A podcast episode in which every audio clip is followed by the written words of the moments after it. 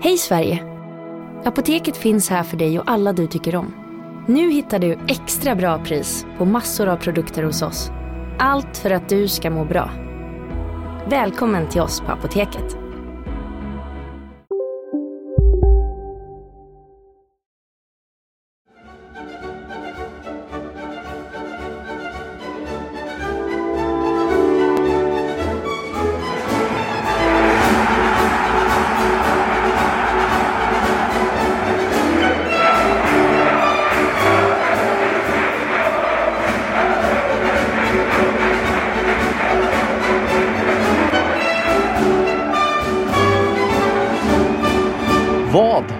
Hände?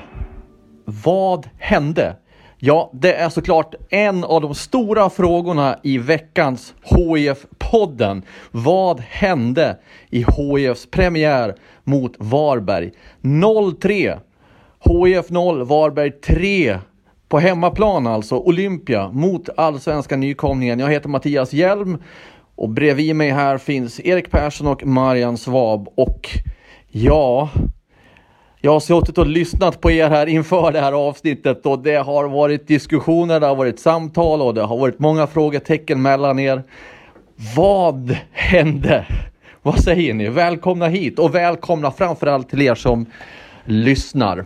Eh, innan vi går in på, på den, eh, det svaret, eller de svar som ni har, så vi kommer ju också såklart att eh, avhandla Mix Diskeruds tweet och värvningen av Mix Diskerud.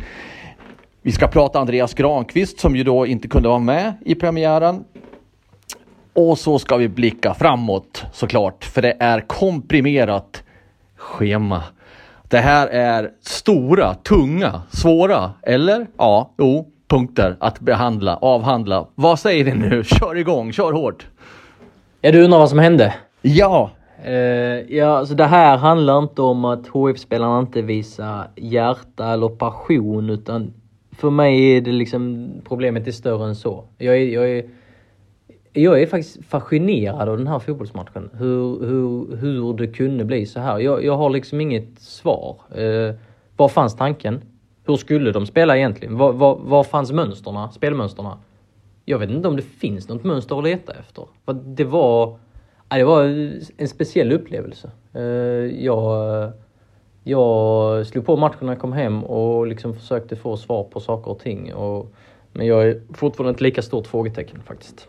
Marian, är du ett frågetecken också? Ja, du frågar vad som hände. Det, det som hände var att Varberg såg ut som ett färdigt allsvenskt lag. HIF såg absolut inte ut som ett färdigt där det, eh, jag tycker att Varberg, av det jag såg Varberg i fjol, så har man i princip Eh, eh, värvat in, det man blir av med som man värvat in spelare som passar in i det eh, spelet som eh, Joakim Persson och eh, då Martin Pringle eh, vill spela och kommer praktisera här i allsvenskan och man måste ju säga att den taktiska matchen slutade väl 10-0 till Joakim Persson och Martin Pringle. Om vi tar det från start här då. Det var ju ingen publik, det vet vi om. Det är ingen nyhet. Ingen publik får ju vara på arenorna. Så det var ju speciellt i sig för alla spelare. Sen ställde ju då Olof Mellberg upp med följande elva. Anders Lindegård i, Gård i mål. Och sen en backlinje från höger med Anders Randrup. Och så den allsvenska debutanten 17-årige Kasper Videll. Och bredvid honom... Får jag, får jag bara sticka med? Jag skulle vilja säga att Josef Ceesay hade högerbacksrollen i grunden. Anders Randrup ska egentligen vara på liksom ett eh, tremannamittfält. Okej. Okay. Sen att det inte alltid ser ut som ett tremannamittfält, det är en annan fråga. Jaha, men Erik Figueroa var i alla fall mittback? Ja, till vänster. och Adam Eriksson var vänsterback? Ja, exakt. Ja. Men då kan du ta mittfältet. Fölkolin Persson var vänsterback. Ja, exakt. Det är, så det, är där, det är det här vi kommer in. Men vi vet i alla fall att Jakob Folkelin Persson gjorde allsvensk debut han också. Ja men det vet vi. Det finns ju några saker som vi vet. Vi vet ju att Kasper Widell är 17 år, att han gjorde sina första allsvenska minuter. Att Jakob Folkelin Persson, 19 år, gjorde sina första allsvenska minuter. Och Armin Gigovic 18. Ja, eh, som gjorde sin typ 15 allsvenska match. Eh, och, men Gigovic var på in i mittfältet? Ja, och där var Randrup Anders Randrup och Jakob Fölkling Persson i, i några väldigt, väldigt sittande roller. Och sen där framme var eh, Rasmus Jönsson, eh, lite till höger och lite centralt. Eh, Anthony van den Hurk centralt och Max Svensson i någon form av vänster ytterforwardsroll. Så man, eh, man kan ju säga då att det kanske är ett 4-3-3. Kanske. Jocke Men- Persson tyckte det var mer 6-3-1. Ja, jag skulle nog säga 6-1. 1-3. 3. Ja. Amin Gigovic fick eh, eh, springa på ett mittfält helt ensam. Eh, det är inte någonting man ser eh, varje dag. Eh, han var... Ja, han gjorde ju absolut sin, eh, sin sämsta match i HFs A-lag. Ehm, han var inte alls bra. Hans felprocent liksom med passningar var... Det var inte alls bra. Men han, han hade också ett mittfält helt ensam. Det är en spelare som gillar att kombinera. Det fanns inga spelare att kombinera med. Och det fanns inget djupledshot framför honom. Men, eh, Okej, eh, nu, nu pratar du om Gigovic. Handen på hjärtat så drog vi ju ett jämnt streck över hela laget med ettor. Så det var ju inte bara Armin Gigovic som var Nej men, underkänd. nej, men det hoppas jag, jag... Det är ju det jag säger, jag sätter det i ett perspektiv. Det finns en anledning att Armin Gigovic, eh, som är så hypad, såg, eh, såg liksom så pass dålig ut. Men det gjorde hans lagkamrater också. Ni har, ettorna är väl betygssättningen kan jag inte liksom uh, ha några invändningar eftersom jag själv dels var med och satte dem. Men saken är den alltså att man kan ju förlora på olika sätt med 3-0. Eh, och, och, och det här sättet, eh, okej när jag såg laget som Mellberg skickar ut utan Andreas Granqvist då, då känner man någonstans att Ja, jag trodde inte att det här skulle, jag, jag trodde det skulle bli jämnt på förhand. Och jag sa det att jag satt och funderade kring krönikan och kände att ja, men om det slutar 1-1 då tycker jag inte HIF har gjort bort sig överhuvudtaget. Men jag måste säga, den här såg jag inte komma överhuvudtaget. Om man undrar liksom ungefär, de har ju ändå haft sex månader på sig. Ni snackar om det här med utan publik och så. Ja, jag tror HIF förlorar på att inte ha publik och kanske Varberg vinner lite grann på, på det eh, i och med att det är tomt. Men som tränare måste du liksom, herregud, och spelare förbereda dig på den här situationen. Det är så mycket frågor som väcks här hos mig. Vi är ju vana, alla vi tre, att ställa frågor som sportjournalister. Och här har jag den stora förmånen att få pumpa er med frågor. 6-3-1 låter ju väldigt spännande att eh, bryta ner och, och få er att förklara hur man spelar ett sånt system i fotboll. Men innan dess så måste vi ju eh, gå lite på djupet med Andreas Granqvist, alltså sjuk. Och ja, det sades efteråt att han hade ju då testats för corona och det var negativt test och det, och det är ju positivt. Alltså det är positivt att det var negativt, alltså att han inte har corona. Men sjuk ändå, så det är väl en klar risk att han missar ett, någon eller ett par matcher till oavsett. Tänker jag. Ja men det finns ett medicinskt protokoll att förhålla sig till. Och minsta lilla, de här spelarna är hängiga eh, på matchdagen. Ja men då är det, jag, jag det tror klart. inte liksom, det, det här var dessutom tyckte jag läste någonstans halsont och feber. Ja, jag har också läst det där. Jag hade, Ja, det jag det, jag hade det för ett tag sedan och tanken är också att du ska vara väl för, liksom, ska du inte vara 48 timmar Helt symptomfri. Helt symptomfri. Eh, ja, ni ser, ni kan ju räkna själva, göra matten. Eh, det har ju varit någon form av liksom mittbackskris. Eh, det har varit någon form av mittfältskris. Eh, Jakob Fölkerling Persson som då gjorde debut plockades upp som mittback till A-laget i höstas. Nu spelar han på mittfältet för att det var mittfältskris. Han hade kanske varit ett alternativ att liksom ersätta Granqvist men då ja, mittbackskris, mittfältskris, svår balans. Så då fick man sätta honom på, på mittfältet och så blev det en, en U19-spelare, U19-kaptenen eh, Kasper Videll, som också är lagkapten i P03-landslaget. Men, eh, och han kastades in och fick beskedet liksom några timmar innan, innan avspark. Mm, för den mittfältskris du pratar om, det är att sen tidigare har ju Andreas Landgren varit borta, långtidsskadad, på väg tillbaka. Men sen är också Mohamed Abubakari borta skadad, på väg tillbaka, vad rapporterna säger. Och samma sak då väl med Brandur Henriksson. Så, så därav mittfältskrisen som du pratar om, Erik. Precis, och i backlinjen har vi ju Ravitsoka som precis har kommit tillbaka från skada. Exum Beitulay bröt ju sitt kontrakt och eh, Charlie Weber är utlånad. Eh, på mittfältet blir Daniel Hafsteinsson utlånad. Sen, det är inte så att de hade kanske eh, eh, spetsat till det här, det är inte det jag säger. Men det, det, har, det har liksom varit mycket rullians i de eh, lagdelarna. Och, och där, eh, inte bara erfarenheten på vissa spelare, så finns det också attityd eh, hos vissa spelare. Abubakari i form av sitt fysiska spel, Henriksson, vad vi, vad vi har förstått i alla fall utifrån din rapportering också Erik och, och de träningsmatcher som spelats. innan eh, Corona så har Det är någon han form av tjurig humör. vinnarskalle i eh, Brandon Henriksson. Det, det är Och karaktär. med Andreas Granqvist borta då som är ledaren, inte bara lagkaptenen utan ryggraden och den som skriker och hörs över hela planen.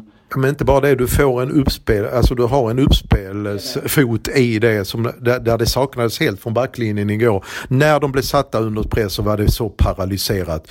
Jag vet inte vem som var tanken att sen skulle spela upp i första läget men när Granqvist har bollen och spelar upp så blir det ju eh, eh, Alltså mycket lugnare och det är liksom HF, för många långa anfall fick de till.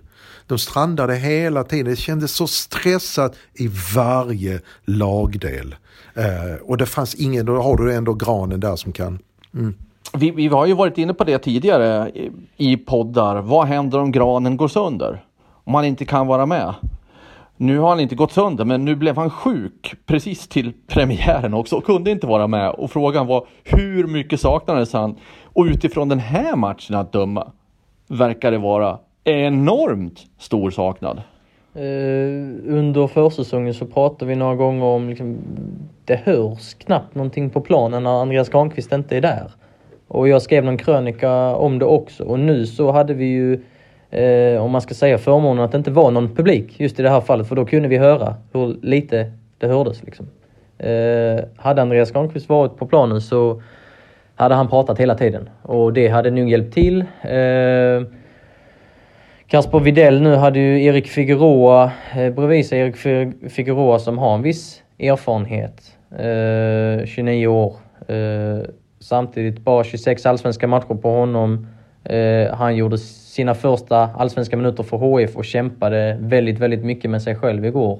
Så att han förmådde inte att liksom stötta upp eh, Kasper Videll. Så att, eh, de hade behövt någon, någon Men, fin- stöttepelare. men även när Andreas har varit med, Andreas Granqvist under första säsongen, då är det, visst, då är det träningsmatch, det är skillnad givetvis, det förstår jag på tränings och tävlingsmatch. Så har HIF ändå släppt till en hel del mål och tävling eh, och eh, chanser. Och eh, där någonstans tror jag är, är, är också en nyckel, alltså vad, eh, hur, hur, den här defensiva uppställningen, vad är det som är tanken med det? Defensiva, det här kollektiva försvarsspelet. Var ska pressen börja? Igår skulle Hurk pressade lite och sen kanske Rasmus fyllde på lite halvdan, Max någon gång. Men det här kollektiva pressspelet, var det någon som man tittade på som var synkat presspel så var det ju Varberg. Ja, alltså det fanns ju eh, sekvenser där, där det var ganska högt presspel från eh, van den Hurk, Rasmus Jönsson och Max Svensson. Och så var Armin Gigovic lite bakom. Men Varberg spelade ju igenom jättelätt där. Och sen var det en ocean av yta liksom i mitten av planen för att HIFs lag var extremt långt. Eh, Reine Almqvist, eh, liksom en tränarlegendar som har varit flera sessioner i HIF, pratar ofta om, vad var det, 22 meter? Något sånt. Att det skulle vara mellan eh, backlinjen och, och, anfall. och, och anfall. Ja.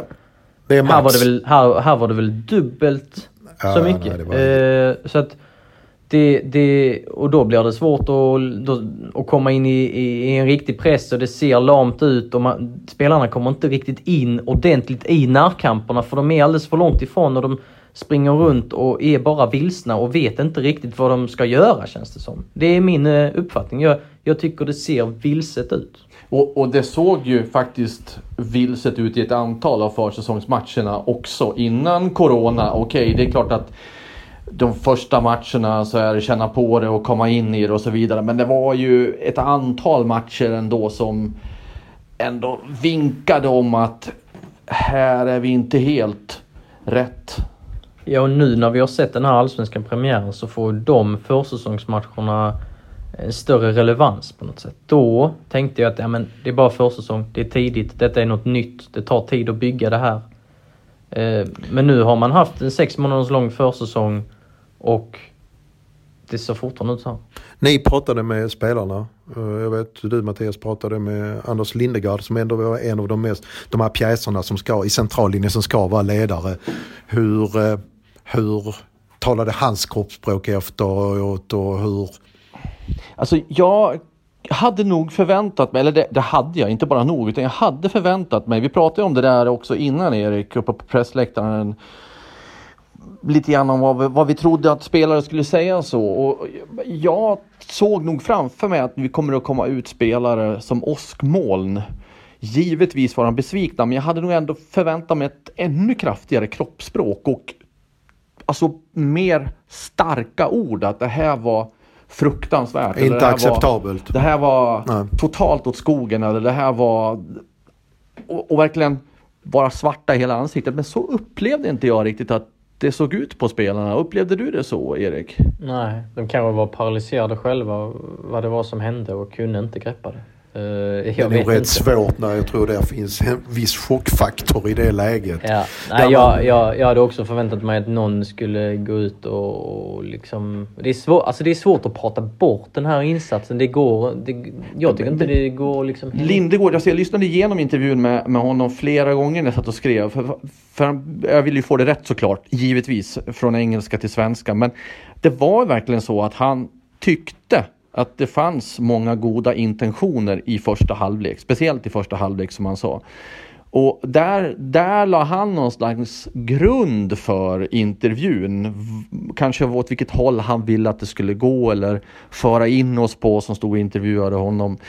Men, men eh, sen blev han ju mer kritisk in i intervjun men ändå någonstans valde han att titta positivt, se det positiva och det är väl rätt. Men det är ju ändå som du säger Erik att det, det går ju inte att snacka bort en sån här insats heller, eller? Nej, sen är det klart att man kan argumentera för att det är ett skadeskjutet lag och, och, och så. Det, detta, är, detta var inte den bästa startelvan som HIF kommer att ställa upp med i år. Så är det. Men med tanke på liksom, hur illa det såg ut. Alltså det, som sagt, man kan ju förlora en fotbollsmatch med 3-0 på olika sätt. Och nu kändes det som att det var liksom det värsta sättet. Men upplevde inte spelarna det så illa som vi som tittade på den upplevde det? Jag tror de själva undrar vad som händer. Men det är Den inte... frågan du ställde i början på programmet här så tror jag de ställer sig den frågan också. Jag är ganska säker på det men sen, sen eh, man ska ju inte i alla lägen kanske Eh, när man är, sysslar med lagsport gå ut och säga det medialt heller. Eh, och att de kanske försöker eh, tona ner det och, och vara lite, lite kyliga. Eh, händer detta någon gång till? Frågan är om de kan vara liksom prata i de här ordalagen då igen. Jag vet inte. Jag kan ju någonstans köpa att en, en första halvlek i det här läget faktiskt inte ser så bra ut. Eh, som jag också sa till dig på, på pressläktaren där Erik under första halvlek. Ja, det är ungefär som väntat. Inte så mycket chanser åt något håll, händer inte så mycket. Två lag som letar efter sina spel. Och vad mer kan man egentligen kräva efter ett antal månaders eh, karantän är det inte för dem, men i alla fall karantän från matcher. Och så inga träningsmatcher när man väl ska starta om och så rätt in i det. Det är klart att det måste få finnas en viss felprocent där. Så en den första halvleken kan jag ändå leva med. Eh, 0-1, ja det var ju eh, en individuell prestation av Astrid Selmani. Väldigt bra prestation. Men eh, sen, den andra halvleken, det, det har jag ju svårare att acceptera även under rådande förutsättningar och omständigheter. Ja, så pluspoäng till Varberg efter första halvlek, absolut. Men som du säger, man kan ändå köpa det. Men sen var det ju någon form av kollaps. Ja, men det är så grunderna saknas ju. Alltså, det har jag själv sagt att de vill spela mer rakt i, till exempel i offensiven och med fart. Eh, och, och, och, och, ta kommandot och så. Va? Men då, då måste det till ett passningsspel. Du måste löpa för varandra för att öppna upp Djupledshot, eh. djupledshot. Allt det här menar grundläggande som fotbollsspelare. Och sen som sagt var gå in rejält i, i, i en närkamp. För liksom med kroppsspråket visa att här, vi vill någonting. Eh, Jag håller med om att första halvlek kan jag köpa. Jag har inga problem med det. Va? Men att det blir så mycket sämre i andra halvlek. Det är ju förvånande. Om man tittar på laguppställningen då, startelvan, vi var inne på det. Pratade om det för en liten stund sedan. På bänken fanns ju då Ravizuka som har då kommit tillbaka från, från skala, skada. Alhaji Gero, Martin Olsson, Noel Mbo, Filip Sjöberg och Alex Timossi. Och Kalle Olsson och sammålvakt. Kalle. Olsson också som reservmålvakt tillbaka också. Precis. Men eh, nu sitter ju vi med facit i hand. Var det rätt spelare som startade? Skulle Alex Timossi ha varit inne från start? Skulle man kanske ha prioriterat Martin Olsson från start? Om man nu ändå är med och kan spela. Så man inte kunde ha, om man inte kan spela 90 minuter. Men det beror ju på helt och hållet vad som var matchplanen. Och det är det jag undrar liksom. Det, det, det är där någonstans man utgår ifrån. Vad är matchplanen? Och så väljer man spelare efter det. Uh, hade det varit vanlig, liksom, ja det är klart man kan säga Martin Olsson men samtidigt så kan, kan inte jag säga annat än att Adam Eriksson var en av få spelare som ändå kan gå härifrån den här matchen och säga att ja, jag försökte i alla fall.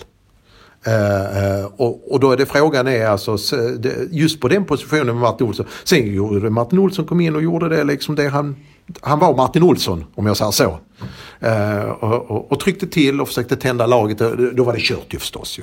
Men samtidigt så är det jättesvårt. Får du in både då liksom Adam Eriksson och Martin Olsson om vi tittar lite längre fram i, i veckan? Ja det kanske du får men då är det egentligen vad är matchplanen? Vad är formen? Vad är formationen? Vilk, vilket sätt ska HIF spela på? Och så får man ju se till det och så skadeläget givetvis. Vilka är, är tillgängliga? Eh, det är en del, som sagt, jag är mer eh, förvirrad efter den här premiären än vad jag... Ja, Martin Olsson, det var ju hans första minuter på en fotbollsplan i matchsammanhang på ett och ett halvt år och nu har HIF, eh, det var liksom tre, tre matcher inom loppet av sju dygn så i Martin Olssons fall så tänker man ju ganska, väldigt, väldigt mycket på liksom att det blir rätt belastning där. Eh, så, så, kanske något form av liksom rotationssystem där. Eh, det tror jag ligger till grund att han inte startar. Fast hans sista juni går ju hans kontrakt ut. Är det inte bara till att försöka köra honom så många minuter det bara går från start? Alltså, om, vi vet ju inte ens hur det blir med kontraktet förstås ju. Eh. Eller så är det klart att han lämnar och så vill man inte spela med någon spelare som inte kommer vara kvar om två veckor. Eller så förlänger han och så matchar honom han honom försiktigt. Ja. Det, är, det är som sagt många frågetecken. Timossi har ju också en kontraktssituation. Ja. Eh, lånet med Bayern München går ju ut eh, också 30 juni. Där hade man kunnat argumentera för att få in liksom djupledshotet i Timossi som är en djupledsspelare. Sen är det trångt där, där framme. Eh, på pappret så är liksom Max Svensson, Anthony van den Hoek och Rasmus Jönsson intressant. Då hade alternativet varit att starta med Timossi på liksom Rasmus Jönssons ursprungsposition och tagit ner Rasmus Jönsson, kanske i den rollen där Gigovic spelade.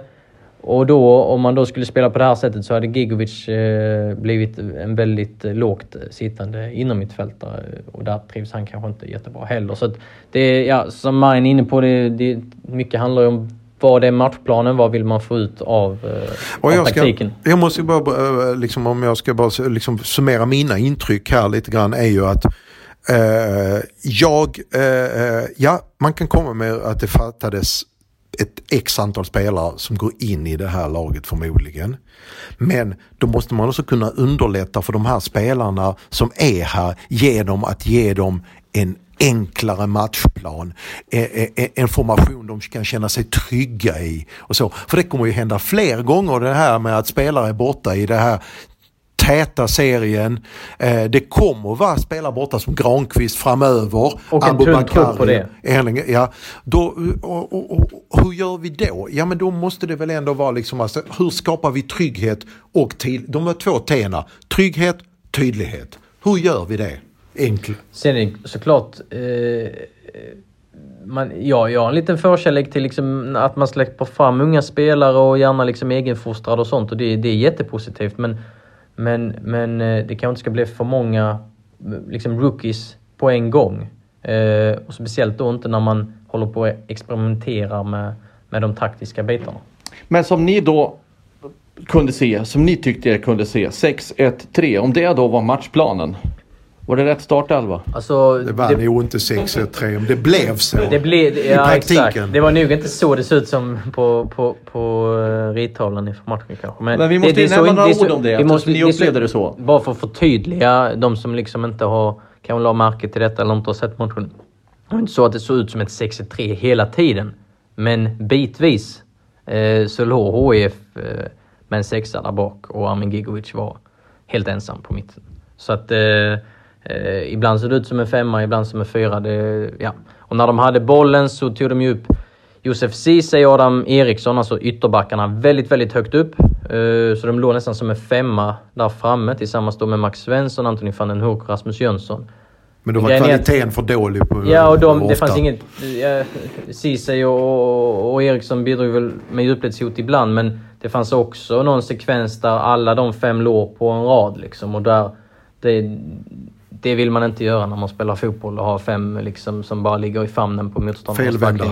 Felvända. Eh, stillastående. Eh, inte bra. Så svaret på frågan vad hände är att ni inte helt är på det klara med vad som faktiskt hände. Jo, men jag ty- tycker det saknades både tydlighet och eh, med det så kommer otryggheten.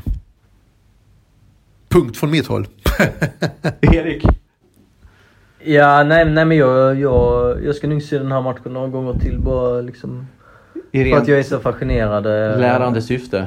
Ja men lite så. Man vill ju... Ja, jag vill hitta något mönster. Men var det några som hade tydlighet i sitt spel så var det ju Varberg ju. Ja, alltså, all cred till Varberg. Det var Ja. liksom fantastiskt att se. eh, Liksom merparten av de här spelarna har liksom pl- plockats från division 1. Astrid Selmani som är liksom en av allsvenskans hetaste spelare just nu. För några år sedan så satt han på Ängelholms FFs eh, bänk. Liksom. Det gjorde Jocke Persson också. Ja, det, ja. Och Martin Men- Pring. Ja. Eh, jättehäftigt att se. De har tagit någon eh, Gustav Norlin från Skövde i division 1 och de hade Stojan Lukic som är typ 83 år i målet. Liksom, så att, eh, kul att de kunde leverera detta. 83 år, sa du det? Ja, han Men de är väl väldigt 40, men han är trygga gammal med det. De är trygga med det de gör ju. Mm. Och alla vet precis sin roll Eh, och vad som förväntas av dem. Precis, och Jon Birkfeldt eh, som är helsingborgare, 24 år, tillhört HIFs eh, ungdomsverksamhet, kom inte upp till, till A-laget och tagit några vändor i Superettan och har väl åkt ur Superettan med Värnamo, Åtvidaberg och Frej tror jag. Ehm, och nu så plockar han bort Anthony van den Hurk. Kul resa där också. Sen får vi se om Varbergs resa håller hela säsongen men eh, insatsen eh, under måndagen var imponerande. Astrid Selmani gjorde alltså 0-1 i den 33 minuten. Han ökade på till 0-2 i början av den andra 51 minuten. Han eh, fixade en straff. Det var Josef Ceesay som rev omkull honom där i en, i en, en duell. Ja, duell. Det blev i alla fall straff. Selmani dundrade in den mitt i mål. Och sen spelar han fram till 0-3 som Gustav Norlin gjorde. Skickligt på one touch med vänsterfoten tror jag det var in till eh, stolpen. Eller var det höger? Ah, spelar ingen roll. 3-0 i alla fall. Och eh, detta med Astrid Selmani, han ryktades ju faktiskt till HIF i fjol. Han gjorde ju 15 mål totalt sen när man summerade eh, Superettan i fjol med Varberg. Men jag tänkte vi ska bryta av lite grann med att bara eh, ta lite från hur det lät i fjol. För jag pratade med honom och så pratade jag med ordföranden Christer Aselius i HIF och så pratade jag med Jocke Persson, tränaren i Varberg. Eh, och då säger Jocke Persson så här då att eh, det var i somras, det var i juli då. Att det bara rycktes väg allting och jag frågar, det är bara spekulationer än så länge. Och då svarar Jocke Persson, men eh, jag kan ju fundera på ett paketbyte. Granqvist och, ja, jag tar Landgren också i så fall. Då får de Selmani, då är det en deal. Vi behöver lite rutin. Och så skrattar han. Och så frågar jag honom, men du blir inte förvånad när du hör att Aselius bekräftar att Selmani är en intressant spelare som finns på deras lista? Och då svarar Jocke, jo. Och så tar han en konstpaus och säger, han är inte över 30, så lite överraskad är jag. Det är Jocke Persson. Han kommer att vara en fejklik i allsvenskan såklart ju. Uh, nej men det, det är ju, en, det är ju den, den här spelaren har de ju Uh, nu är han ju, hur gammal är Semani nu sa vi? Han är, Han är väl eh, född eh, eh, 1997 om jag inte är helt Ja, snett så på det är 23, det är en bra ålder. Där kan nog Varberg få en peng vad det lider. Även om marknaden ser ut som den gör idag, spelarmarknaden. Men där finns nog eh, kanske till och med någon av ja, de här allsvenska toppklubbarna som kan. Men nu, han har skrivit ett nytt kontrakt så att då får man väl komma upp med och öppna plånboken. Vi har pratat väldigt länge om den här matchen men vi är faktiskt inte klara än. För det finns ett område vi knappt har berört och det kan vi inte släppa känner jag som programledare för den här HIF-podden. Det var ju en till som gjorde allsvensk debut, nämligen Anthony van den Hurk. Eh, och han spelade ihop med Rasmus Jönsson där längst upp, som ju då är nygammal i HIF. Och frågan är ju då, vad är hönan och vad är ägget? Eller är det både en höna och ett ägg här? För de var ju i princip inte med i spelet alls och skapade ju så gott som ingenting. Uh, var det de som inte visade sig eller var det så att de inte fick komma in i matchen för att de inte fick några bollar att jobba med? Eller vad, vad var problemet där? Allt hänger samman som jag ser det. Allt det vi har pratat om här, allt det vi undrar över, det hänger samman med att det såg ut som det gjorde för, på det personliga planet för Rasmus Jönsson och Anthony van den Hoek. Eh, van den Hoek eh, hade väl några sekvenser där han var ganska stark felvänd. Eh, skarvade vidare några gånger. Det fanns ingen som sprang på bollen, för djupledshotet fanns inte där. Då ser ju han dålig ut också. Eh, som sagt, ingen gjorde någon särskilt bra match. Speciellt som man har, speciellt som man har värvat honom. Hur då? För att, eller varför? Jo, för att han ska vara en boxspelare. Det är där han... Ja men då måste man ju, då exakt, måste man komma till boxen. Ja, exakt. Det är det jag menar. Han, är ju det, det, det, är ju uttryckligen så att man har sagt då på det man har sett av honom är att var trivs han bäst? Hur många gånger var han där i de situationerna där han egentligen ska operera? Eh, så att, nej, jag, kan, jag, kan, nej, jag vill vänta med den. Visst, det är, ingen, det är ingen premiär som han kommer rama in och ha med sig senare i karriär, liksom efter karriären och tänka tillbaka på. Men samtidigt vill jag ta det lite lugnt för att som sagt var det fanns förklaringar till att han ja. inte användes, ännu en som inte användes som han skulle. Har du också valt att bli egen? Då är det viktigt att skaffa en bra företagsförsäkring. Hos oss är alla småföretag stora och inga frågor för små. Swedeas företagsförsäkring är anpassad för mindre företag och täcker även sånt som din hemförsäkring inte täcker. Gå in på swedea.se företag och jämför själv.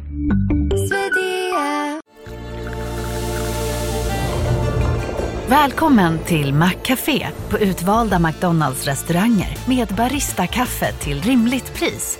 Vad sägs om en latte eller cappuccino för bara 35 kronor? Alltid gjorda av våra utbildade baristor.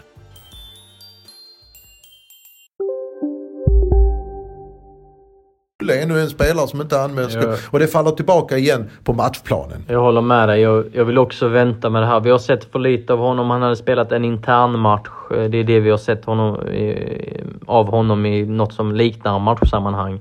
Eh, jag vill säga att man så använder honom på rätt sätt innan jag uttalar mig. Ja, det får, det får gå men, lite Men kan du uttala er om Rasmus Jönsson då? För han har ni sett många gånger och han vet ni vad han, vad han kan i Allsvenskan. Ja, man vet också att Rasmus Jönsson eh, liksom behöver vara i, i rätt roll. Och visst, om han hade hittat sina favoritytor, liksom mellanrummen eh, i den här matchen, så hade det inte hjälpt jättemycket. För återigen, djupledshotet var inte där. Han ska, när han kommer i mellanrummen där ska han ju skära in med instick och så vidare. Då måste det vara spelare som ligger på rulle där. Och du måste ha ett fungerande mittfält. Ja. Som inte fanns där igår. Återigen, tråkigt svar alltså, men allting ja, allt, ja, ja. ja, för var det någonting Olof Mellberg pekade på på presskonferensen efteråt så var det ju just anfallsspelet och inte minst ju längre matchen led och så. Ja, det, ja, det, att det, var, ja. att det inte fungerade. Ja, nej det, det fungerar inte. Ska man säga någonting så är det väl kanske ändå trots allt, ja det kan ju slå fel också ju, men jag inbillar mig att det är rätt så skönt att det kommer en match redan på torsdag för HIF. Det här gamla klassiska klyschan. Men eh, det, det, det, kan ju också slå väldigt fel. Å andra sidan, hade det varit två veckor till nästa match kanske Granqvist hade hunnit bli frisk. Ja, det är sant. Ja, och Abubakari och kanske till och med Brando Henriksson. Mm. Nåväl. Men det, det visst ju... måste du som yrkesmänniska eh, eh, som har fotbollen som yrke Eh, eh, känna att ja men herregud, nu vill jag visa någonting på torsdag. Jag, måste ha en ny chans. Liksom, för det, eh, eh jag tror de är ganska medvetna, spelarna, om att det här var inte bra. Sen är det frågan hur detta smäller på självförtroende eftersom det här är rätt så mycket självförtroende också mentalt inblandat. Ja, och med tanke på att det, det är några unga killar här, några som inte har varit med om detta tidigare, som gjorde sina allsvenska, första allsvenska minuter nu. Så att, eh, Eh, ja, det, det finns nog några som är lite så halvsköra efter en sån här upplevelse. Så då får man se hur eh, HIFs tränarteam jobbar med det mentala och det pedagogiska. Studsar man tillbaka liksom nu här på torsdag, gör en, jag säger inte att man går därifrån med tre poäng i Kalmar, men det måste ju se bättre ut över 90 minuter. Både från tränarbänken och ute på plan. Eh, återigen, Erik säger det, liksom allt hänger ihop. Och där, där, där vill man ju se liksom, eh, eh, den signalen att det ser ut.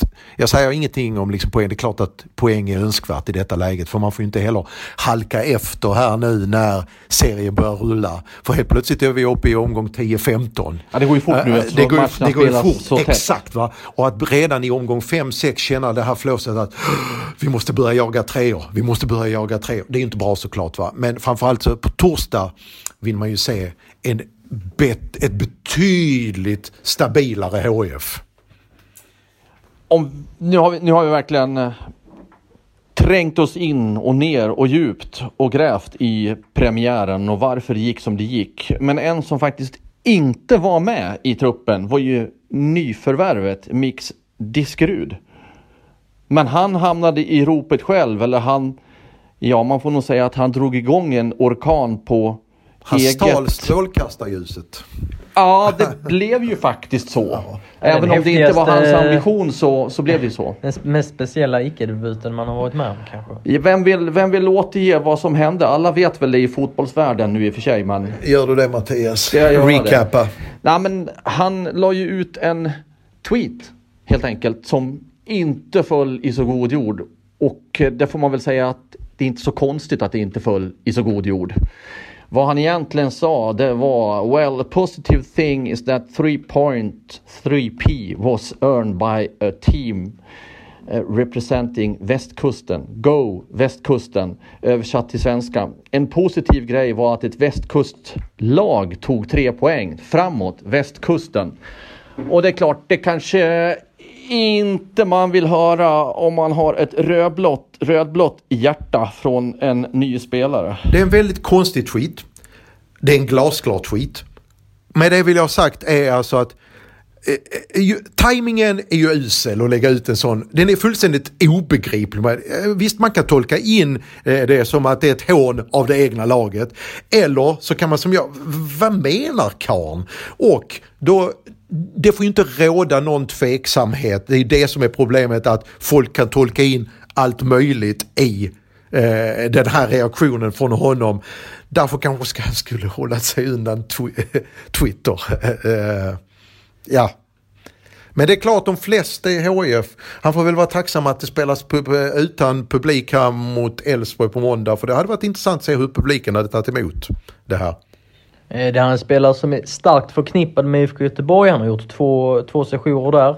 När han gjorde sin första intervju som HIF-spelare, förutom med den officiella hemsidan, när han mötte media eh, efter söndagens träning, då pratade han om sina känslor för IFK Göteborg och jag hoppade till. Eh, ja, det gjorde faktiskt jag också. Eh, och eh, det är väl bra. Jag gillar när man är liksom öppen och ärlig och transparent och så. Och, och, och det var ju liksom min första tanke när han presenterades av HF. Shit, hur, hur ska IFK Göteborg-supportrarna reagera på det här? Och hur ska HF-supportrarna reagera på det här med tanke på att han är så, så pass starkt förknippad med IFK Göteborg? Men det kändes lite märkligt och sen då när man har det i bagaget och, och lägger den här eh, tweeten. Um, ja, jag, jag vet inte liksom. Han, han snackar ju om västkusten ja, väldigt mycket och han gillar västkusten och, och, och, så. Och han är glad att vara på västkusten igen. Uh, men det blir liksom, det blir en röra. Jag är lite som Marian där. Jag, vad, vad, men, vad menar han? Och sen kommer en uppföljningstweet som är också ännu som, som gör det hela ännu mer obegripligt. Jag, jag, jag, jag förstår inte riktigt. Men grejen är ju också den att Eh, eh, Eh, eh, jag minns ju också det här, HF, vad ska det, eh, är jag upprörd över detta? jag är inte supporter. Jag kan förstå supportrar som känner liksom alltså att just i detta läget också när man har förlorat med tre, en premiär med 3-0, torskat. Eh, eh, eh, då ska du ut och twittra, då måste du vara glasklar. Det får inte vara några, liksom, alltså att det råder några, liksom, att, vad menar Det är det som är problematiken. Och sen så går HIF, i detta läget kan ju inte HIF heller skicka honom. Hade man haft en bredare trupp så det är jag ganska övertygad om att de hade diskuterat HIF idag. Nu på eftermiddagen har det inte kommit någon officiell reaktion från HIF än. Men jag minns själv när jag satt på Söderstadion när Sören Kratz sprang ärevarvet när han var hf tränare säsongen efter att han hade tagit guld med Hammarby och han går ut. Jag minns, jag det bara rosslade till i min eh, eh, liksom, eh, reaktioner efteråt. Både från hf spelare från ledare, från folk som man aldrig trodde som var runt laget, som man aldrig trodde skulle reagera, som kokade efter och Sören Kratz fick gå efter det. Va? Jag, jag, jag, från det ärevarvet. Och jag, jag, fick, jag, jag, jag tror jag i och för sig att HIF under andra omständigheter, om man haft en jättebred trupp, hade resonerat på ett sätt idag. Inte säkert, eh, då, då, då hade man nog brötit kontraktet, skulle jag tro. Men i detta läget har man inte råd att göra det. Eh, tilläggas bör väl också att eh, Mirat Kurusovic, media och kommunikationsansvarig, har, eh, har uttalat sig till Fotbollskanalen att eh, vi känner internt att frågan är löst. Eh, det ska vi Okej, okay, då har jag, den, den missade jag. också i ett mail till Fotboll Skåne va, bett om ursäkt. Mix Diskerud uh, skickade ett mail till Fotboll Skåne ja, där, han, där han bad om ursäkt. Och ja, grejen i detta det är ju att Mix Diskerud är ju en bra fotbollsspelare. En fotbollsspelare som HF behöver. Uh, Spelar 16, 17, 18 hade ju åkt ju. Ja, men de behöver honom i det här läget. Han kan liksom Eh, Eh, rent fotbollsmässigt kan han vara, vara skillnaden mellan eh, poäng eller inte poäng. Speciellt när eh, mittfältssituationen ser ut som den gör. Så att det, det, ja, det är en speciell situation. Men, men det är ju faktiskt så här att på sociala medier, det är ju livsfarligt där. Alltså man blir ju jag vet inte vilket ord man ska ta till här så det inte blir för brutalt, men det är ehm, det är ett tufft klimat, så kan vi säga, på sociala medier tufft klimat. Så lägger man ut saker så man ska tänka sig för och man får vara försiktig om man inte är beredd att ta en, en riktig storm. Ja men eh, om ens lag har förlorat med 3-0 i en premiär, bör man ens liksom gå in på Twitter då, tänker jag? Bör man Nej, ens twittra någonting då? det är ju en högst då? befogad fråga. Ja, jag vet inte liksom vad, vad behöver man tweeta i det läget? Tystnaden kan väl tala sitt tydliga språk, tänker jag. Så han har ju skapat sig ett tungt ingångsvärde nu, eller ett svårt ingångsvärde gentemot supportrarna. Och det tar kanske en tid att vinna tillbaka dem, om det går att vinna tillbaka alla supportrar. Ja, och lagkamraterna. Ja, lagkamraterna han, han har varit i... Kliva in i, la, i omklädningsrummet i, idag. Ja, han har gjort en träning med laget. Och så, vad, vad händer när han går in i omklädningsrummet här efter detta? Vad, vad händer? Ja. Ja, Christer Aselius, ordföranden, var också i Fotbollsskåne och han tog ju avstånd väldigt kraftigt för den här, från den här tweeten.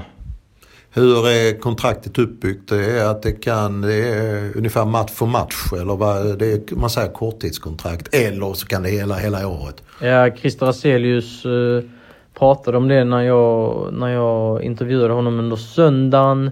Och då sa han att uh, kontraktet kan brytas i princip när som helst eh, under, under tiden det finns liksom relevanta transferfönster öppna så att Mix Diskerud kan hitta något annat vettigt alternativ. Um, så, så, att Mix Diskerud har liksom rätten att bryta avtalet och HF har rätten att bryta avtalet som läget är, är nu. Men sen, det gäller liksom inte över hela hösten för då har ju de flesta transfer, transferfönster som är relevanta stängt. Nu sa du att Midat då konstaterat och ja, helt enkelt sagt att det, det är löst. Ja, det har... Det, det, det, har men, men, men frågan blir ju här då, kommer HF att fortsätta med uh, Mix efter detta? Tror ni? Eller blir det tidigt? Alltså det, nu har vi inte varit med här i, i kulisserna. Vad, vad, vad har hänt i omklädningsrummet idag? Har, har Mix Diskerud eh, ställt sig upp och liksom förklarat för sina lagkamrater hur, hur, hur, fel det blev. Vad har han tagit för ansvar i den här frågan? Hur tänker Olof Mellberg? Hur har dialogen mellan dem gått? Och så vidare och så vidare. Jag, jag vet för lite för att liksom uttala... För mig är det HIF, även om de skulle vilja, så är det bara till att svälja stoltheten. Även om de skulle vilja sätta ner foten så har de inte råd med något annat än att behålla honom. Just för, ja och han, som sagt, han är, han, han är ju viktig liksom, eh, eller kan komma att bli viktig på fotbollsplanen. Och apropå att ha råd, hur har HIF råd med att värva honom i, i den här situationen som de befinner sig Vi har ju på Helsingborgs Dagblad kontinuerligt, fortlöpande försökt redovisa så mycket vi kan och så mycket material vi har och information vi har. Eh, och när HIF har varit transparenta och också offentliggjort hur läget är. Och det är ju enormt, enormt tungt år som de är inne i. Och det, från början pratades om 17 miljoner back och sen så ja, tyder det på ännu mer. Och i det läget så kan man plocka in en spelare. Vi får väl se hur länge också han är kvar. Det är också intressant för det är sagt, som det är sagt nu så är det, eh, vilar det här eh, eh, så kontraktet, eh, ersättning på det, för det här kontraktet på ett par olika ben. Dels säger Christer Celius att det är försäkringspengar för de spelare som inte... Det kan ju inte vara någon jättesumma. Det, det, det där förbryllar mig lite. De skadade spelarna. Det kan ju inte vara en jättesumma då för det, liksom, för, det, för, för de här spelarna. Det, nästa grej är ju att Manchester City betalar en del av lönen. Men det, det, och att, eh, där, är han gratis då för HF? Jag vet inte. För jag har ju inte sett kontraktet ju. Men det låter, sen när spelarna kommer tillbaka då de här alla, Andreas Landgren som på väg. Ja de kommer han, tillbaka han, snart. Bakari, när de inte får pengar för de här, för då måste HF fortfarande betala en lön, en del av lönen och City betalar väl inte hela Alltså det finns ju rätt mycket frågor kring det här hur uh, man har, men jag förmodar väl att HF vet vad de sysslar med. Samtidigt ur ett eh, sportsligt perspektiv, om vi säger att Abubakari, Brandon Henriksson och Andreas Langen kommer tillbaka och Mix Diskerud är kvar, då har vi helt plötsligt väldigt många innermittfältare. Eh, så jag vet inte riktigt vad planen är eh, på längre sikt. Nej, men, men jag, vill, jag, vill, ändå stanna någon sekund till vid detta med ekonomin. För Christer Aselius sa till oss eh, angående den här värvningen då, till dig Erik, det var du som gjorde intervjun. Och så säger han då ordagrant att vi har en befintlig kostnad. Den kostnaden har gått ner olyckligtvis på grund av skador. När det är nyckelspelare på samma position tog vi ställning att istället Istället för att spara pengarna på sjukskrivningarna vara beredda att återinvestera dem. På ett eller annat sätt måste vi bedriva vår kärnverksamhet. Jag kan inte tolka det på annat sätt än att HIF är med och betalar en slant för Mix. Det här är inget som han spelar inte gratis helt enkelt. Jag frågar om han var för Martin Olsson när han blev klar den första april så sa ju Christer Aselius att han kostar inte OIF någonting, han är gratis. Och jag ja, om det här standardsumman 10 000. Ja men 10 000 som, som Martin Olsson själv betalar till ja. Eh, ungdomsverksamhet. Det, men, men, men, men, så, så, var ju, så var inte fallet nu för jag frågade ju om det och då eh, men då så svarar ju Christer Aselius också mm, eh, kring de här sjukförsäkringspengarna. Men vi måste också ha i, i den hela bilden här då att HIF har möten med staden, Helsingborgs stad, kommunen här och får hjälp med hyran. Och det är inte första gången som HIF får hjälp. Den här gången så mycket av problematiken inte kopplad till deras egen verksamhet utan det är för, för coronapandemin som har orsakat det. Men likväl så handlar det om överlevnad och de behöver hjälp externt och få hjälp av kommunen. Att i det läget ändå på något sätt vara med och betala en spelare till. Vad, vad, vad sänder det för signaler? Det är väl klart att de politikerna som tog det här beslutet kanske höjer på ögonbrynen. Men jag utgår också från att eh, HIF har förklarat hur det hänger ihop för kommunen. Det vore ju korkat av HIF att mörka det här för kommunen. Ja, jag det vore väldigt kort. Det, det, det har de såklart korkat. inte gjort. Men det har man inte gjort ju såklart. Nej, ju. Nej. Men det som kommer intressant tycker jag också, okej. Okay, om vi nu köper att eh, den senaste värvningen är finansierad och inte drabbar eh, verksamheten eller de här att eh, minusberget, skuldberget liksom, eller växer. Då är nästa fråga, det kommer intressant nu här. Vi har två stycken spelare, Martin Olsson och Timossi, vars kontrakt löper ut snart här. Hur gör HF i det läget? Om man tänker att man ska ha kvar de spelarna. Eh, för de misstänker väl att Martin Olsson måste ha någon slags marknadsmässig lön. Eller kommer han fortsätta spela bara för att han tycker det är kul och att han behöver matcher?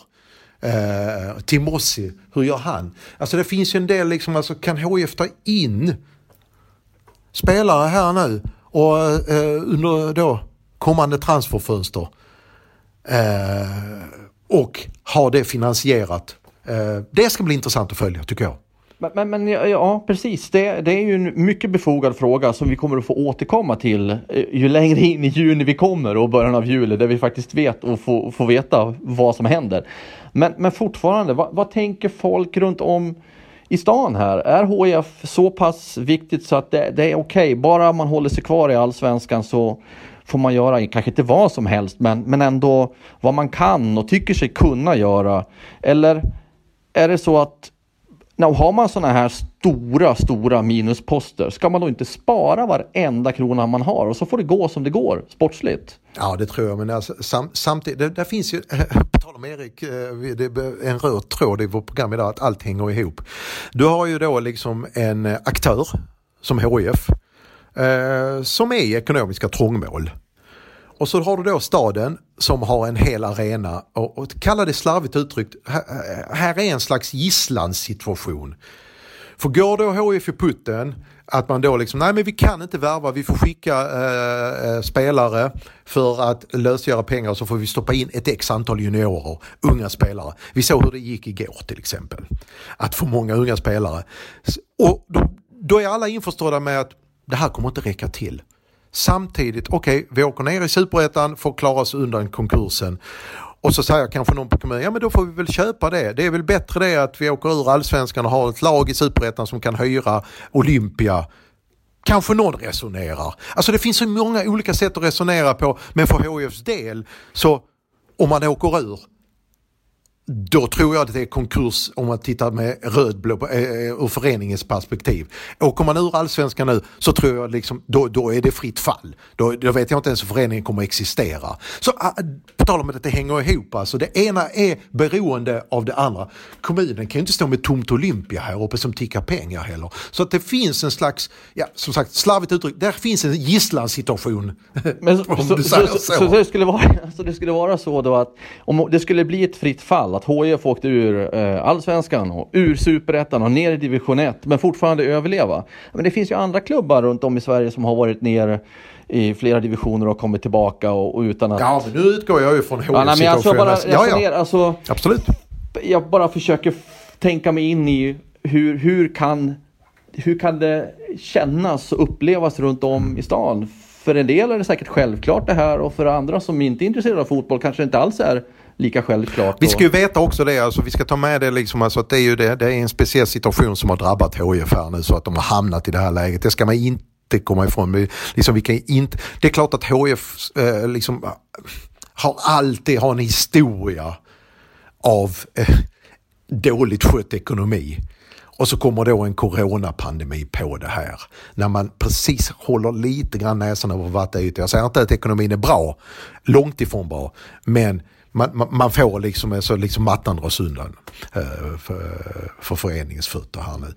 Och, och, och, och, i detta läget liksom då så eh, allt handlar nu för HFE om att ja, de får kanske lite grann eh, strunta i helt enkelt vad gemene man tycker i Helsingborg. Det kanske, kanske låter väldigt provocerande och sticker folk i ögonen. Men jag tror att HF mm, måste göra det. Eh, om jag bara ser det i det perspektivet, jag, om jag hade suttit inne i så vi får strunta i vad, och sen så den här trovärdigheten vi vill bygga upp på lång sikt bland helsingborgarna, ja men den får vänta. Just nu handlar alltihopa om att vår klubb ska överleva. Jag tror man måste tänka så. Det här lär jag säkert liksom få av de som är inte minst intresserade av HIF eller fotboll få på tafsen för att det kommer finnas, eh, men det är det jag inte, jag ställer inte det. Vi kan inte ställa det. Eh, eh, det är självklart för folk att, för vissa som inte är intresserade av fotboll, gå vård, skola, omsorg långt före en fotbollsklubb, det förstår jag va. Men det där är någonting som politikerna får förklara ju. Sportsligt så kommer Mix Diskerud att göra skillnad. Nej, kommer det säger jag inte, men han kan komma att göra skillnad om man ser till vad han bitvis eh, presterade i IFK Göteborg. Då är det liksom, han har nästan gjort 40 A-landskamper för, för USA. Så det finns kvalitet. Eh, sen, jag har inte kollat hans matcher i Sydkoreanska ligan. Och hur eh, kontinuerligt han spelar? ja, jag tror väl han spelade, han gjorde nästan 50 matcher där borta tror jag. Gjorde han det? Okej. Okay. Och de var ja, på väg att vinna ligan. Sen var, ja. Är han tongivande där alltså? att, ja, sett i att han spelar eh, uppemot 50 matcher på, Ja. på hyfsat kort tid så skulle jag väl tro det. Men jag, som sagt, jag har inte järnkoll. Men man vet ju liksom inte riktigt eh, hans, hans status. Kan han gå in liksom och leverera här och nu och så? Eh, han kom, eh, kom nu till HIF från två veckors träning med ett norskt division 3-lag. Så att, ehm, men han har, han, sett till vad han presterade i IFK Göteborg tidigare så finns det kvalitet, absolut. Men det var också ett tag sedan. Alright. Alldeles snart ska vi stänga den första omgången. Jag vill bara säga ett par ord till om det och höra er åsikt om det. Inför, inför den allsvenska premiären, den första omgången, så har det ju diskuterats om att det här kan bli skrällsvenskan, skrällarnas allsvenska, tidernas skrällallsvenska. Och så kan det fortfarande bli. Det är ju 29 omgångar kvar, men tittar man på första omgången var det nästan idel favoritsegrar. Okej, Varberg var väl ändå på det sättet en skräll att man slog HIF bort. Ja, och sen också att Elfsborg faktiskt vann borta mot Göteborg för första gången på 17 år. Får väl ses som en liten skräll just i det avseendet. Falkenberg plockar poäng av Häcken. Mm. Men i övrigt så var det de väntade topplagen, de, de som diskuteras, de gick ju faktiskt segrande ur den första omgången. Så, mm. Er, er snabba kommentar kring första omgången i stort? Eh, ja, nej men jag, jag, jag har också tänkt den tanken som du nyss sa. Nu känns det som att jag kör någon form av copy-paste på ditt resonemang i övrigt. Det gläder mig någonstans. Ja, ja vad, vad bra. eh, sen får vi se om det mönstret håller i sig. Det har ju bara gått eh, en omgång men Hammarby ser ju liksom ut som en guldkandidat och MFF gjorde väl helt okej och så. så att, eh, men, eh, Djurgården vi- vann, svenska mästarna vann då, AIK vann, IFK Norrköping sen, vann. Sen är det en speciell allsvenska. Det är liksom jättekomprimerat eh, schema och de som har liksom bredaste trupperna kommer väl eh, hålla, hålla Då- längst. De Mattias räknade upp här, jag såg ju faktiskt en hel del av de här lagen för först. Och de ser ju färdiga ut. Alltså skillnaden mellan de här som vi kallar de här Big Six, de stora topp 6-lagen här, ser ju faktiskt mer färdiga ut än övriga. Vilket då givetvis avspeglas i att de har de här trupp, de har de här spetskvaliteten. Det finns kvalitetsspelare och det finns inte bara liksom en på varje position. Du kan ju bara titta på till exempel på Hammarbys, Malmös bänk som de har haft i denna omgången. Jag menar herregud, det, det är ju de här lagen nere med HIF, de som är lite längre ner i tabellen och de andra, liksom det, de är inte ens i närheten av att kunna plocka de här spelarna. Så det är klart att skillnaden kommer med, i långa loppet kommer det. Ett intryck till. Eh, vi har en kille från närområdet, från Landskrona, Jakob Ondrejka, som gjorde allsvensk debut för Elfsborg och spelade ungefär en kvart och gjorde faktiskt det riktigt, riktigt bra. Eh, han, han provtränade med IFK Göteborg förra året och sånt också. Det ryktades eh, inte så mycket om HIF där. Eh, jag undrar om, om, om de... Det sades ju att de kollar mer på Kevin Jensen i Landskrona Boys och så, men det, de kanske har missat något där. Eh, intressant att följa nordvästskåningarna här. Vi nämnde Jon Bi- Björkfeldt tidigare och så också. Så det Och finns... Rasmus Alm var med och spelade fram till Elfsborgs segermål. Precis, han är mer etablerad där. Också ex-boysare. Och Jonathan Levi i IFK Norrköping nu också en ex Nu blir det mycket boys i HIF-podden. Mellberg hade väl Rasmus i BP? Rasmus Alm? Nej, han kom väl eh, när de hade gått upp till Allsvenskan, är jag ganska säker. Ah okej, Ja, mm. då var det precis i skarven då. Ja, men eh, det är kul att liksom följa dem också. Mjällby finns det ju lite både liksom på tränarbänken och, och i laget som har nordvästskånska anknytning. Och Bayern då givetvis.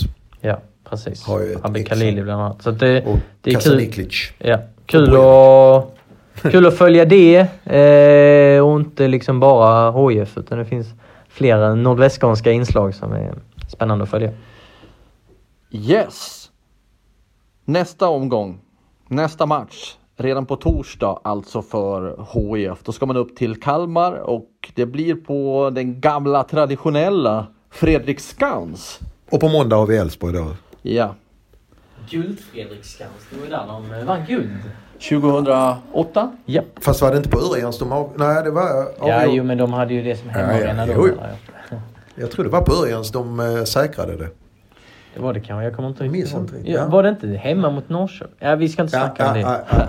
Okej, i alla fall efter Elfsborg hemma på måndag så har man Häcken borta, Mjällby hemma och Djurgården borta. Och det är ju match på match på match på match nu på grund av pandemin då som har gjort att allsvenskan skjutits upp med ett par månader. Men nu i alla fall är igång nu. Ja, det är inte mycket tid att ändra på allt det som behöver ändras till torsdag. Ja, jag, jag säger bara, jag, jag efterlyser bara liksom en klar och tydlig eh, eh, tydlighet, en större tydlighet. För är det någonting som Kalmar kommer med, Nanne Bergstrand, så är det definitivt att eh, alla har glasklart för sig hur Kalmar kommer att spela. Så där kan inte komma, HF kan ju inte bli överraskad av hur Kalmar kommer att agera. Eh, så att eh, jag hoppas, och sen så har vi då Elfsborg som ser faktiskt otäckt bra ut. Så här långt, alltså fått ihop det rätt bra. Vär, vär, ja, värvat smart och så va. Och HF mötte dem på försäsongen ja, också. Och, för sen, och, och, och då snackar vi om att HF har en liksom, ja, ganska tacksam öppning här med de här tre matcherna. Sen kommer det två konstgräsmatcher mot tunga motståndare på bortaplan. Och dessemellan har man då Mjällby som, vi, som förmodligen är, liksom är bättre än, äh, äh, äh, vad de flesta andra nykomlingarna. Förra året så vann ju HIF de här sexpoängsmatcherna. Det var liksom Östersund, Sirius, Kalmar och sånt. Vilket gjorde att man fick en ganska behaglig resa med ett nytt kontrakt ändå. Eh, och eh, ja, nu blev det förlust mot Varberg. Som man på förhand då tänkt ska vara ett bottenlag kanske. Mm. Eh, Kalmar ett lag som man eh, gärna sig. placerar nära HIF i mm. liksom, förhandstipsen och så. Så att detta är ju ytterligare en sån match eh, ur den kategorin. Så att, eh, väldigt viktigt att resa sig efter den här smällen mot Varberg men också viktigt att, att liksom ta poäng mot rätt lag. När man inte är ett topplag. Plocka poäng. det är ganska viktigt. Ja, det får nästan se ut hur som helst. Eh, alltså på, men Ja, det, det, det, är inget lätt läge heller för det ska man ju veta nu med om eh, dess, dessutom om Andreas Granqvist saknas igen, vilket han troligtvis gör. Men jag tycker ändå HIF, alltså, de, de har någonting att bevisa, kanske inte, för, även om det inte blir poäng. Så måste prestationen upp för att man ska kunna tro på detta liksom, och inte börja liksom, de stora frågorna, liksom, eh, frågetecknen bli ännu större. Frågetecken lämnades efter premiären mot Varberg. Vi får väl se då hur de lyckas ordna till det där till matchen mot Kalmar borta på torsdag. Erik, du och jag åker upp dit. Ja, du kör och jag sitter i baksätet. Diagonalt snett bakom. Yes. Så har vi lite distans där. Och Marian finns med på hemmaplan. Ja, precis som igår. Ja. Och så ska vi försöka göra så mycket vi kan och så initierat vi kan också. Vi hoppas att ni följer med oss på hela resan från nu och över den matchen och vidare. Det är mycket nu. Tack för er uppmärksamhet för den här veckan och ha en fortsatt bra vecka. Hej!